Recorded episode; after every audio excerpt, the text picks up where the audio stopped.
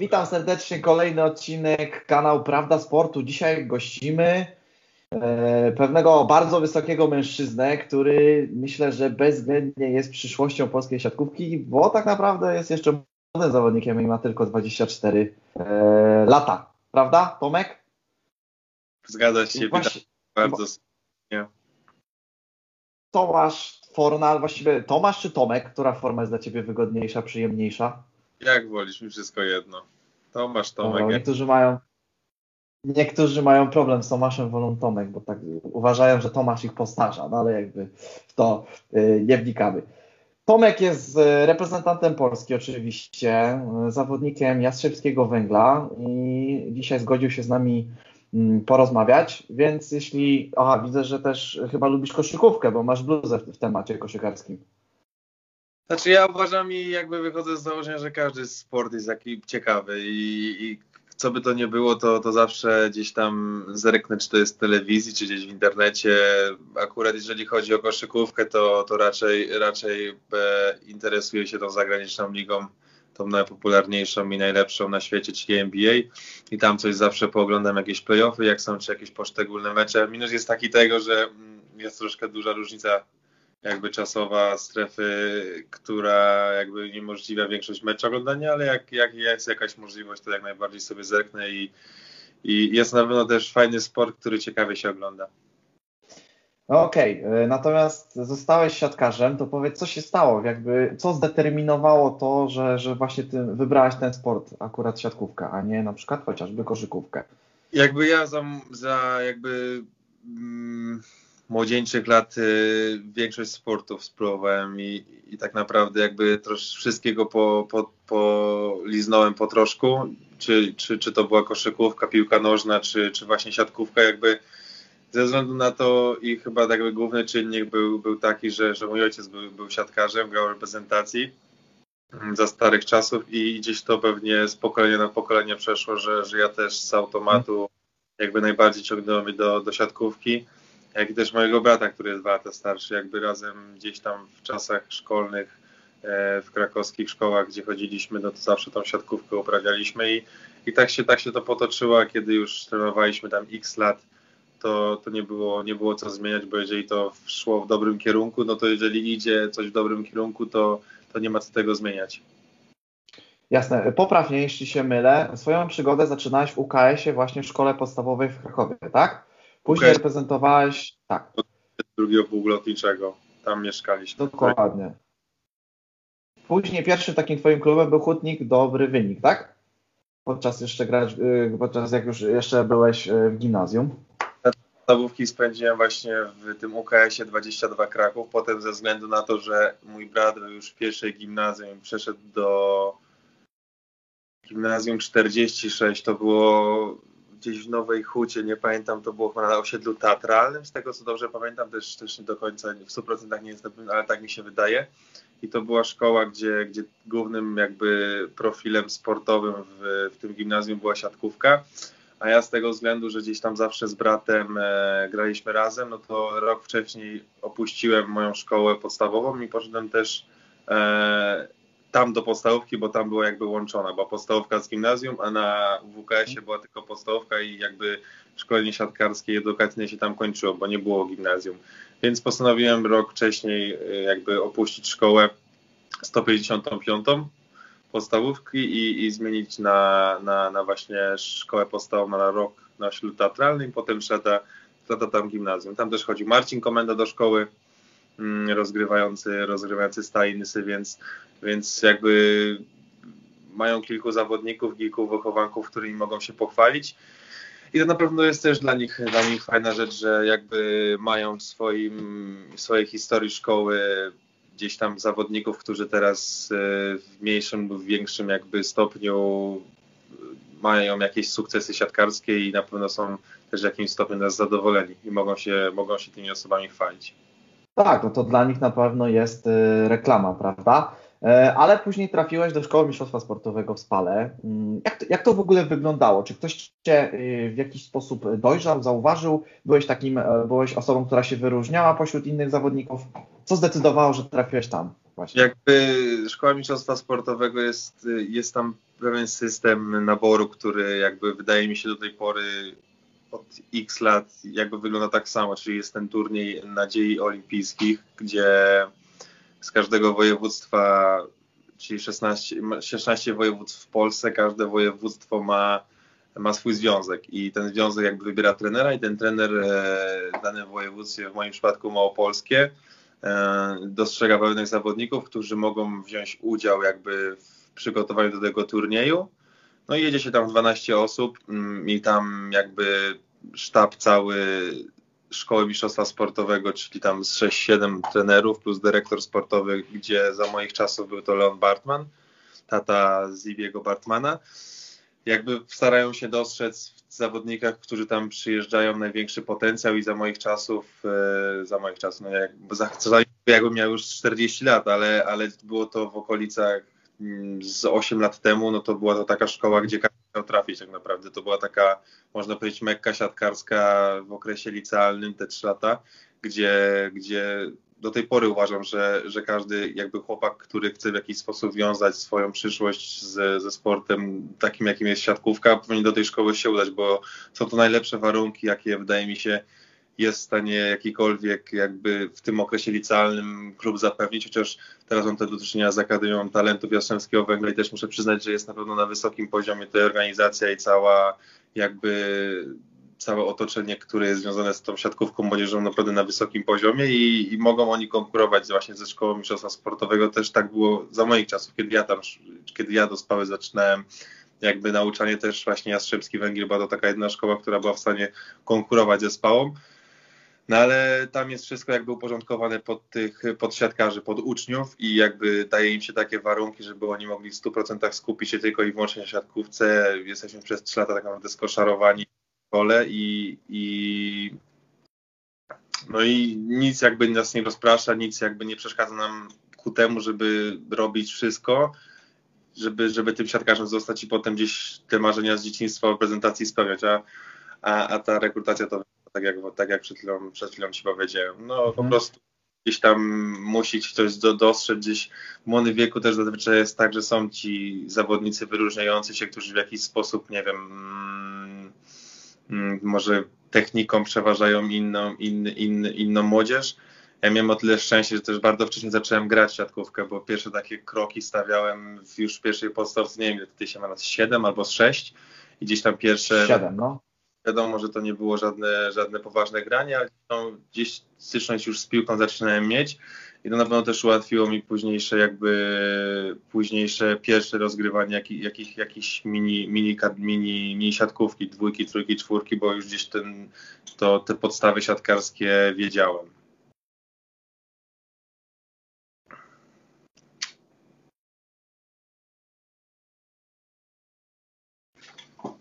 Okej. Okay. No tak, no to, to, o czym, to o czym mówisz a propos Jastrzębskiego Węgla to jest fakt. On ma też jakby Jastrzębski Węgiel ten plus, że to jest pewnego rodzaju renoma. To jest klub, w którym młodzi zawodnicy chcą po prostu grać. Więc y, dla nich jest to taki kolejny argument, żeby faktycznie do tej szkółki wstąpić. Ale wspomniałeś właśnie o reprezentacji, bo tak naprawdę y, trafiając do Spały, od razu też po chwili trafiłeś do reprezentacji, z którą osiągnąłeś niezwykły wynik, bo E, przechodząc po, po, przez te poszczególne kategorie wiekowe, byliście nie do pokonania, nie, nie przegraliście żadnego oficjalnego meczu, zgadza się? Zgadza się, jakby wydaje mi się, że na to się złoży kilka jakby czynników, które jakby z perspektywy czasu jestem w stanie wywnioskować i się nad nimi tak głębiej zastanawiałem kiedyś, to hmm. jakby naszą na pewno, my nie mieliśmy żadnych warunków fizycznych jakby super mega dużych, gdzie dominowaliśmy, nie wiem, wzrostem, skocznością czy siłą My jakby przez trzy lata tak naprawdę znaliśmy się od podszewki, cała dwunastka, czternastka chłopaków, gdzieś tam bo jakieś delikatne zmiany z roku na rok były, dwie, trzy osoby się zmieniały, ale ten trzon naszej drużyny, te 8-9 osób, 9 zawodników zawsze, przepraszam, była taka sama i, i wydaje mi się, że to była naszą główną siłą, po prostu to, że my dzień w dzień razem trenowaliśmy, w dzień w dzień graliśmy ligowe spotkania w pierwszej lidze wtedy i, i to dało nam takie, taką pewność siebie i takie, takie poczucie, że naprawdę ze sobą na boisku wiedzieliśmy, co w danym momencie komu możemy powiedzieć, kiedy się lepiej zamknąć i nie odzywać. Po prostu wiedzieliśmy wszystko o sobie i to, to było naszą główną siłą, czyli ta, to zgranie, ta zespołowość, która, która potem, e, która potem jakby skutkowała tymi, tymi sukcesami. My też nigdy nie mieliśmy żadnego można powiedzieć takiego wielkiego lidera, który, który nie wiem, w każdym meczu zdobywał po 30 punktów i to on ciągnął naszą drużynę. My jakby byliśmy wszyscy na równym poziomie, wszyscy w danym momencie mogli jakby przejąć jakby trud, trudności oraz, oraz jakieś cięższe spotkania na swoje barki, kiedy koledze nie szło. I, nie było czegoś takiego, że jeżeli na przykład ktoś miał słabszy mecz, to od razu przegrywaliśmy. Po prostu jeżeli komuś nie szło, to było jeszcze pięciu innych chłopaków, którzy, którzy potrafili i mogli to spotkanie pociągnąć i to była naszą główną siłą, czyli ta, ta drużyna i można powiedzieć ta jedność. Mhm.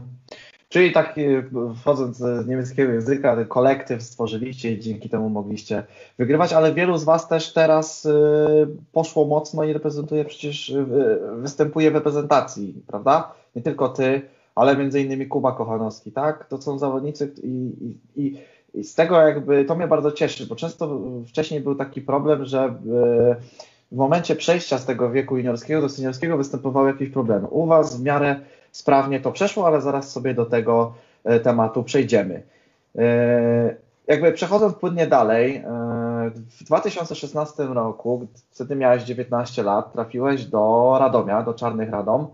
Mm, co ciekawe, w tym czasie zdobyłeś w 91 spotkaniach ponad 1000 punktów. Jak wyglądał właśnie ten proces przejścia siatkówki juniorskiej do siatkówki seniorskiej? Było ciężko?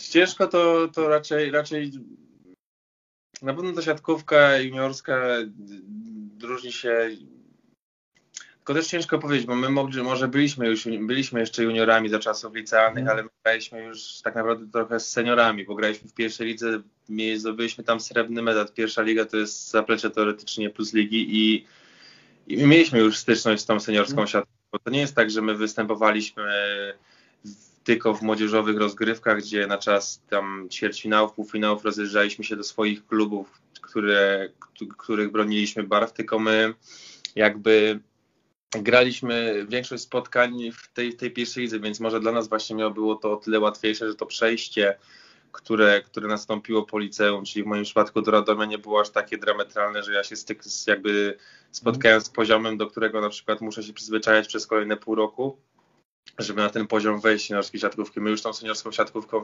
siatkówkę graliśmy przez dwa lata w Spale, drugą, trzecią liceum, bo tak jak mówię, graliśmy w tej pierwszej lidze. Na pewno jest różnica ogromna pod względem podejścia, nie wiem, może nawet samego taktycznego czy, czy, czy, czy, czy fizycznego. Ciężko mi powiedzieć, bo jakby my byliśmy w szkole też z jednej strony to nie tylko jest tak, że my tam byliśmy i, i trenowaliśmy siatkówka, szkoła nie miała jakby żadnego znaczenia. Teraz, kiedy ja wracam po porannej siłowni, ja nie idę do szkoły, nie idę do ławki, tylko ja idę sobie na przykład, nie wiem, zjeść coś i poodpoczywać i się przespać dwie godziny przed popołudniowym treningiem. Spale wyglądało trochę inaczej.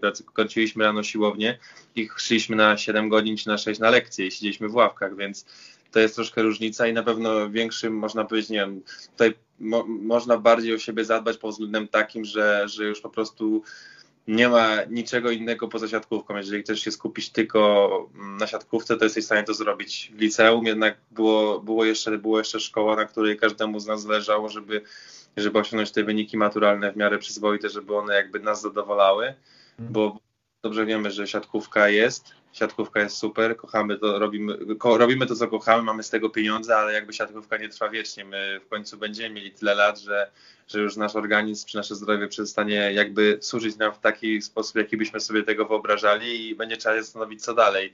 Dlatego my też wiedzieliśmy, że na pewno te ta matura i, i, te przygotowania do niej też są ważne, więc też w jakiś sposób poświęcaliśmy temu czas.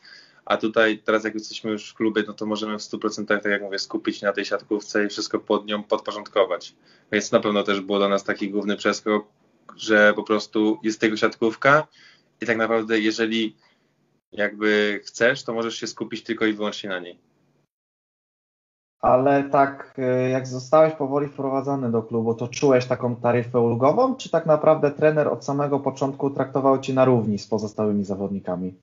Nie ma czegoś takiego jak taryfa ulgowa. Kto by nie przychodził do klubu, to, to ma trenować tak jak inni, ma dawać siebie tyle co inni. Nie ma czegoś takiego, że, że ty jesteś młody, no to tobie więcej wybaczamy. Na pewno w jakiś sposób było tak, e, że przychodzi młody zawodnik, to, to można mu więcej wybaczyć. I, i, I, nie ma się co dziwić, bo to jest normalne raczej, że, że ja w wieku 19 lat, kiedy przychodziłem do ligi, nie będę się zachowywał jak, nie wiem, gościu, który gra, czy zawodnik, który gra w wieku 32 lat w jakimś klubie, no bo jest bardziej doświadczony, ma więcej tych meczy, meczy odbytych, zdobył x tysięcy punktów w lidze.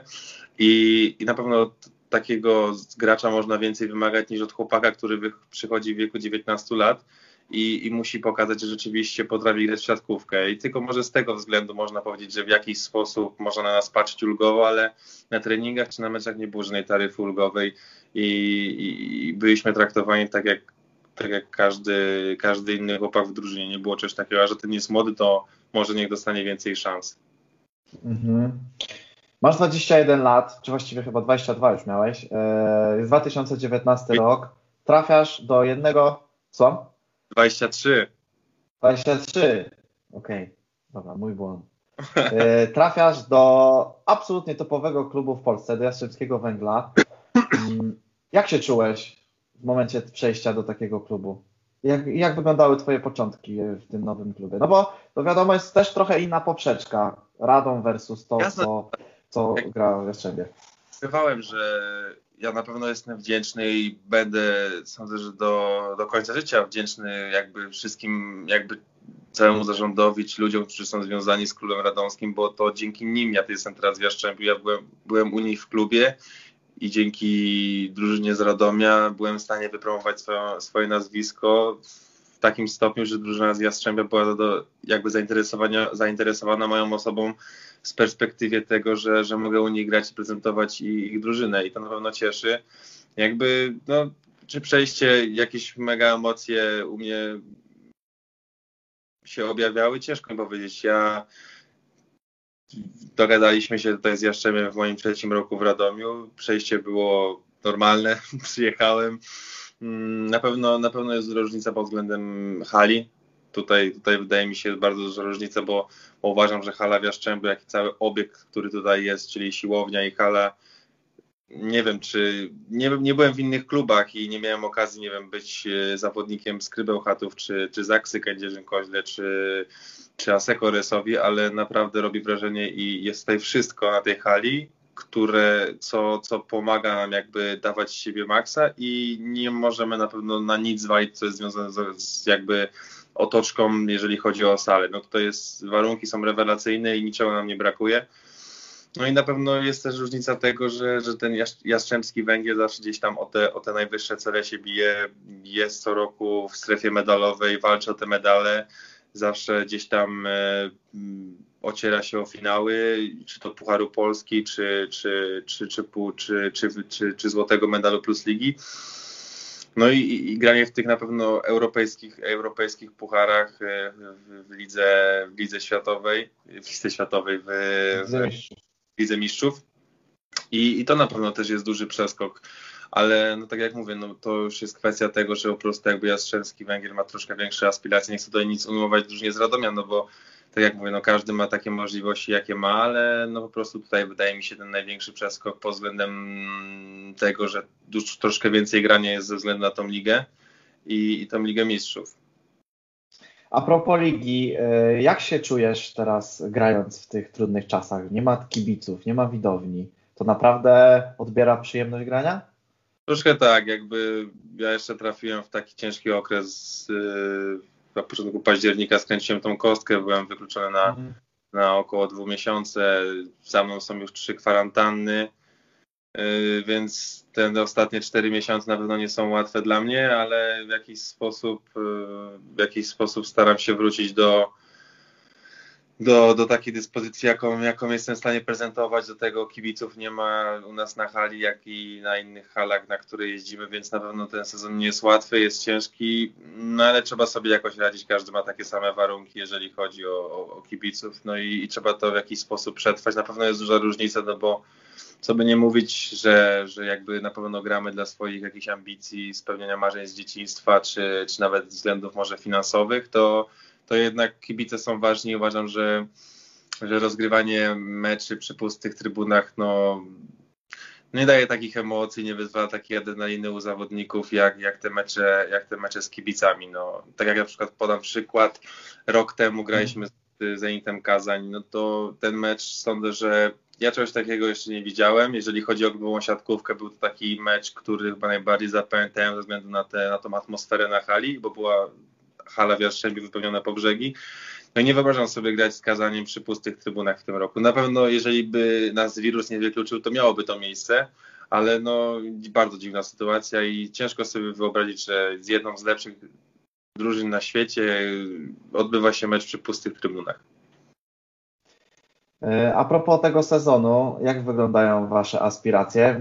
Jest szansa powalczyć z tym absolutnym ostatnio hegemonem, czyli Zaksą Kędzierzy-Koźle? Wydaje mi się, że tak. Wydaje mi się, że dobrze w tym sezonie drużynowo się prezentujemy. Wydaje mi się, że, że jest szansa i na pewno nasze cele gdzieś tam e, są dosyć wysokie w tym, w tym sezonie. Jakby mamy aspiracje na to, żeby, żeby, żeby w tym finale powalczyć. I, I, tak naprawdę zobaczymy. No ja nie chcę wybiegać tak daleko w przyszłość. Jutro wyjeżdżamy na, ćwierć, na ćwierćfinałowy mecz do Bydgoszczy Pucharu Polski. Za niedługo bodajże trzy kolejki nam zostały regularnego sezonu i zaczną się playoffy, więc nie ma co wybiegać w przyszłość. Skupmy się na ćwierćfinale. Zróbmy wszystko, żeby awansować dalej, potem na półfinale zróbmy tam wszystko, żeby awansować, a jeżeli będziemy już w finale, to wtedy będziemy się martwić i wtedy no, martwić. Wtedy będziemy robić wszystko, żeby, żeby, to, żeby udowodnić naszą wyższość, ale, ale trzeba przyznać drużynie z, z Kędzierzyna, że naprawdę w tym sezonie prezentują fenomenalny poziom i i grają bardzo dobrą i ładną siatkówkę dla oka. Tak, to jest to, co ty wspomniałeś a propos e, swoich młodzieżowych występów prezentacji. Tam widać taki e, duch, duch drużyny. Oni tak niesamowicie razem współpracują. E, każda akcja, chociażby w obronie, ustawienie bloku, ustawienie obrony, to wszystko jest tak ciekawie i dobrze zgrane, co pozwala później osiągać takie, a nie inne wyniki. A jak to wygląda u Ciebie w drużynie? Kto jest takim, e, takim mentalnie najsilniejszym punktem? Lukas Okampa, czy, czy może Juri Gader? Jak, tak jakby ja obserwując wasze, wasze mecze, to mam wrażenie, że któryś z nich dwóch. Ale jak to wygląda, wygląda od środka? Kto jest takim najmocniejszym charakterem, jeżeli chodzi. No, wydaje mi się, że Jurek Gladyr na pewno jest. Yy na pewno jest jakby osobo, osobowościowo gościem, który jest na pewno bardzo pewny siebie i e, to wydaje mi się, że nie trzeba być jakimś Sherlockiem czy gościem, który musi się znać na siatkówce, żeby to odkryć, bo widać po jego zachowaniach na boisku, że jest to tak. gościu siebie bo potrafi, nie wiem, czyjeś czy zagrywki zepsuć, a potem pójść i walnąć pięć asów, więc y, trzeba mu to przyznać, że jest pewny siebie i na pewno jest gdzieś tam taką osobą, która, która gdzieś y, ma bardzo dobry charakter do, do siatkówki, bo, bo, bo jest walczakiem. No i, i, i, to, i to, to, to widać gołym okiem, nie trzeba być ekspertem. Ale Lukas też ma bardzo dużo pozytywów. Też jest taką osobą, która która daje dużo pewności siebie, pomaga na, na boisku, gdzieś tam nie idzie ci, to potrafi podejść do ciebie, powiedzieć, słuchaj stary, dobra, nie ma problemu, teraz ci daję piłeczkę i sobie skończysz na pojedynczym bloku, więc na pewno też cieszę, że się ma takich, takie osoby w drużynie, które, które gdzieś tam pomagają ci i, i są w stanie jakby w twoim słabszym, w słabszych momentach, bo każdy siatkarz, każdy zawodnik na świecie ma słabsze momenty, nie ma, nie ma bezbłędnych zawodników, którzy nie wykonują błędów i grają wszystkie mecze perfekcyjnie i to cieszę, że mamy, mamy takich na pewno zawodników, którzy, którzy w słabszym twoim momencie potrafią do ciebie podejść i powiedzieć, słuchaj stary, teraz będzie dobrze, dawaj tutaj to zrób tak i, i to na pewno cieszy. Super. Eee, reprezentacja, no bo już wspomnieliśmy o tej juniorskiej, czas porozmawiać o tej seniorskiej. W tym roku Igrzyska Olimpijskie. Jak czujesz? Uda Ci się być w tej kadrze na Igrzyskach? Przepraszam jakby ciężko mi powiedzieć. Ja zrobię wszystko, żeby tak się stało. Zdaję sobie sprawę z tego, że, że rywalizacja na naszej pozycji jest ogromna, jeżeli chodzi o przyjęcie, bo jest, bo jest 7-8 osób, które naprawdę prezentują bardzo duży, wysoki poziom siatkarski i, i są też dwie osoby, które tak naprawdę wydaje mi się, że na ten moment mają już zapewniony ten wyjazd. I, i, i tutaj nie odkryję tajemnicy, jeżeli, jeżeli powiem, że Michał Kubiak i Fredor Leon są dwie osoby, które pojadą na 100%. No, nie trzeba być ekspertem ani jakimś e, analitykiem, żeby to odkryć, więc tak naprawdę wydaje mi się, że zostają dwie pozycje. Mhm. A dwa miejsca. Zrobię wszystko, żeby tak się stało. Zdaję sobie sprawę, że jakby mm, jest to ciężkie zadanie, ale nie jest to zadanie, którego się, którego się nie da zrealizować.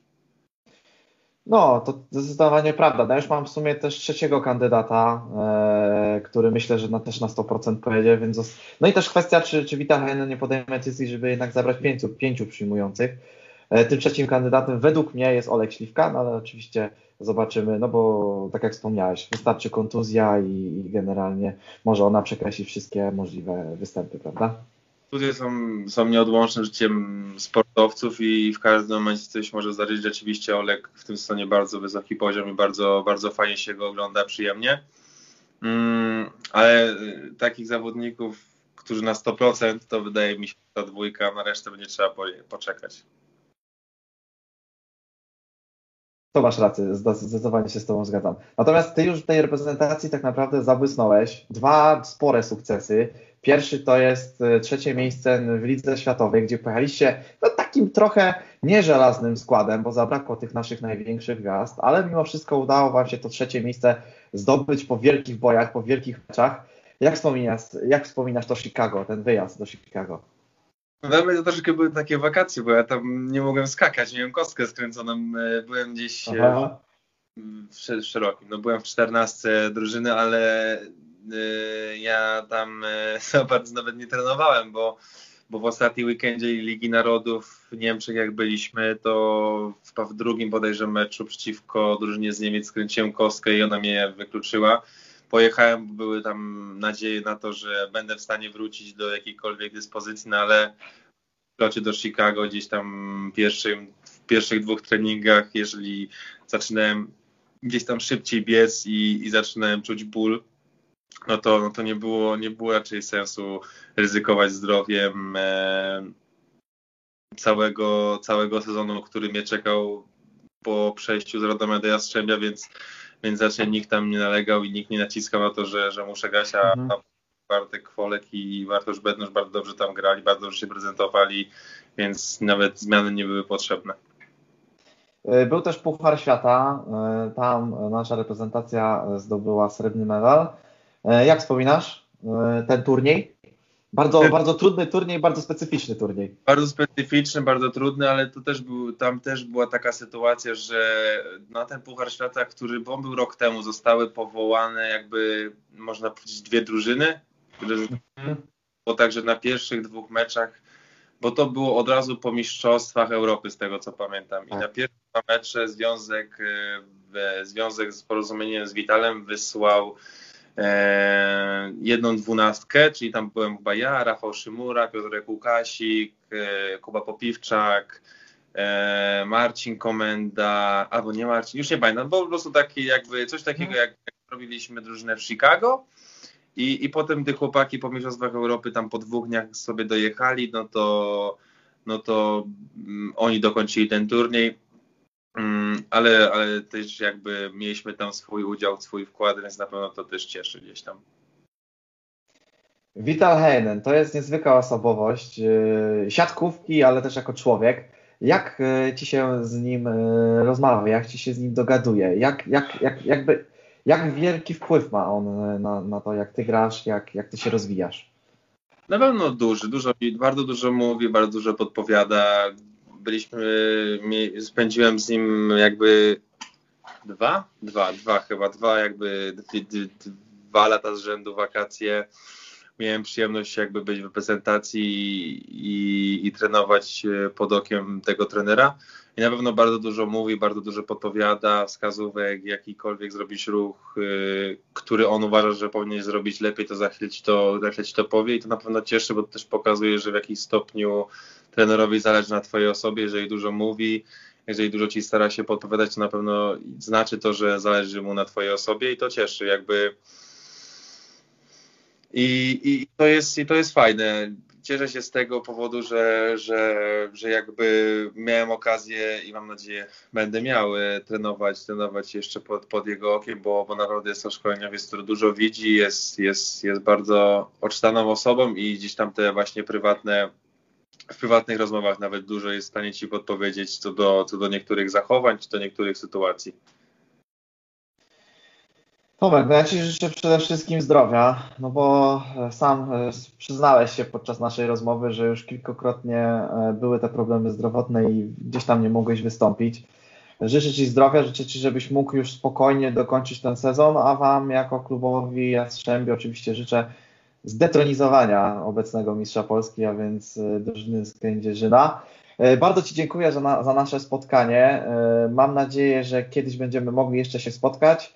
E, no i oczywiście e, zapraszam wraz z Bartkiem do Krzyża, może kiedyś będzie okazja się spotkać bezpośrednio. Ja, ja właśnie namawia, cycu nasz, namawia mnie, że ale jakoś się nie mogę zebrać, coś tam, no ale może będzie okazja, to, to, to raz, raz usiądziemy przy jakiejś kawce na spokojnie pogadamy. Dokładnie. Właśnie, ja generalnie jeszcze raz Ci bardzo dziękuję, drodzy widzowie. To był Tomasz Forman, reprezentant Polski, zawodnik Jastrzębskiego Węgla i niedługo następca Michała Kubiaka w reprezentacji Polski, prawda? Tak, tak, właśnie tak. Dziękuję. Dzięki Ci bardzo, trzymaj się w takim razie i do zobaczenia. Hej. I cześć.